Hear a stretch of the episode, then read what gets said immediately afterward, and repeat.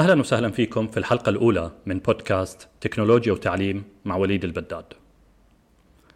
عادة لما بنحكي عن التعليم من الصعب ربط هذا القطاع بالتكنولوجيا وبنتخيل أنه هذا القطاع بعيد جدا عن الابتكارات اللي بتحصل بالعالم وأنه من أكثر القطاعات التقليدية والجامدة وأنه محتاج لمجهودات مهولة لإصلاحه. ممكن أنه خبرة بعض الناس ما كانت كتير إيجابية بالتعلم عن بعد اللي صارت بالجائحة. أو حتى ببعض المساقات الإلكترونية اللي بتوفرها الشركات والمؤسسات لموظفينها بس بالحقيقة قطاع التعليم هو من أكثر القطاعات اللي فيها بحوث وابتكارات جديدة وهو من أكثر القطاعات تأثرا بالابتكارات التقنية خلينا نفكر مثلا بأدوات الذكاء الاصطناعي اللي ظهرت مؤخرا والتساؤل الأول والأكبر اللي رافقها ببدايتها ما هو أثر أدوات الذكاء الاصطناعي على التعليم؟ قبل ما العالم يفكر حتى بالقطاعات الثانية زي الصحة والأعمال. نفس الشيء أدوات الواقع المعزز والافتراضي.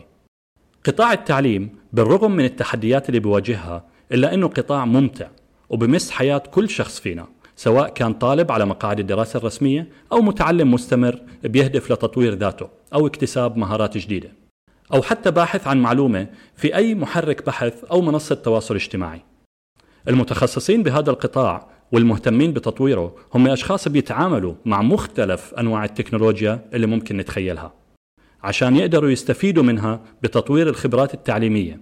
زي ما إنهم بيعرفوا كيف العقل البشري بيعمل وكيف إحنا بنتعلم بيعرفوا كيف يخاطبوا الوعي البشري ويزيدوا من تركيزنا عند الحاجة لاستيعاب المعلومة. بالإضافة لتقييم الفهم والتصرف وفقا للمعطيات والأرقام عند الحاجة.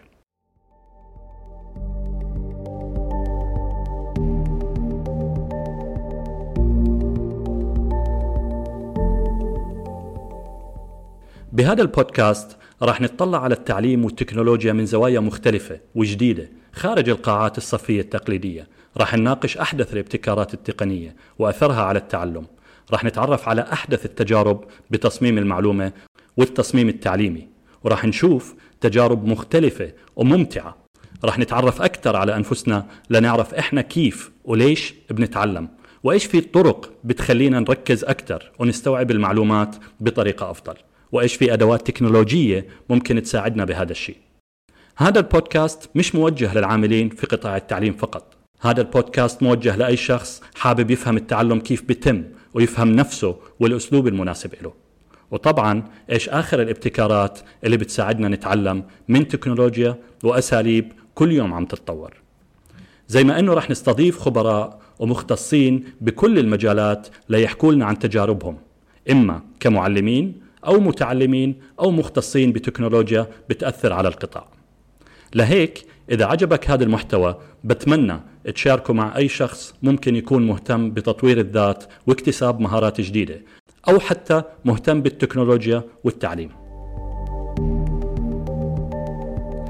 بهذه الحلقة وبما إنه إحنا لسه في البداية راح أتجنب قدر الإمكان إنه أحكي عن أدوات الذكاء الاصطناعي وابتكارات أبل وميتا بالواقع الافتراضي وتأثيرهم على التعليم. لأنه راح نحكي مطولا عن هالشي وأكثر بحلقات قادمة. بس اليوم حابب أرجع للأساس لكيف إحنا أصلا بنتعلم وإيش يعني تعلم بشكل مبسط. خلينا متفقين إنه التعلم ما بينحصر بالمؤسسات التعليمية. التعلم هو شيء بيحدث بكل لحظة من حياتنا وبكل مكان. الحقيقة إنه إحنا بنبدأ نتعلم حتى قبل ما ننولد. بحسب العديد من الدراسات حاسة السمع مثلا بتتكون بالأسبوع الرابع والعشرين من الحمل. هذا بيعطي الطفل فرصة أنه يكون تصور عن لغة الأم مثلا وبيقدر يميز صوت أمه. هذا الشيء بياخذنا لوحدة من أجمل الأمور اللي بتميز الجنس البشري عن باقي المخلوقات وهي أنه إحنا بننولد غير مكتملين. وبنفتقر لكثير من المهارات الأساسية اللي معظم الكائنات الثانية بتمتلكها مع الولادة. مثل المشي مثلا أو التواصل مع جنسها. بالمقابل إحنا كبشر بننولد بمهارات بسيطة جدا وبحاجة لعناية كبيرة بسنواتنا الأولى لنكتسب هذه المهارات. أدمغتنا كبشر بتتطور من الولادة لعمر خمس سنوات أكثر من أي وقت تاني بعمرنا. وهذا بالحقيقة ميزة كبيرة إلنا. لأنه بتمكننا من التأقلم بأي بيئة بننولد فيها. لأنه بنتعلم. وهذه بالحقيقة ميزة كبيرة إلنا لأنه بتمكننا من التأقلم بأي بيئة بننولد فيها لأنه بنتعلم المهارات اللازمة لهذه البيئة. ولكن الأهم أنه إحنا بنضل قابلين للتعلم واكتساب المهارات لباقي حياتنا.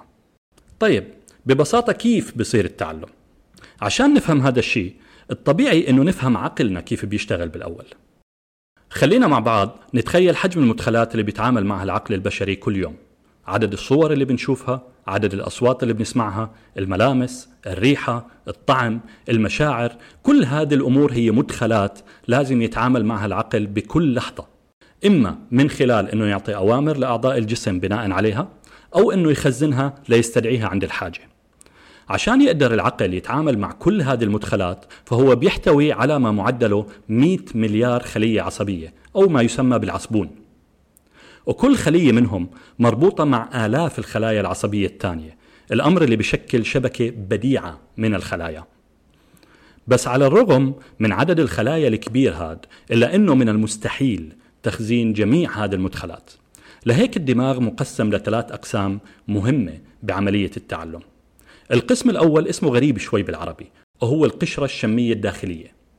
هذه الجزئية بتعمل كفلتر أول للمعلومات وبتحدد هل هذا المدخل بيستحق الدخول للدماغ أو هو مجرد شيء عابر أساسا ما بنشعر فيه مثل نسمة هواء خفيفة جدا مثلا.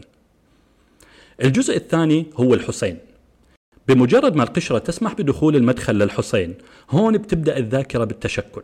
بس طبعا ما بتكون دائمة. بتضل مؤقتة إلى أن يقرر العقل إنها معلومة مهمة.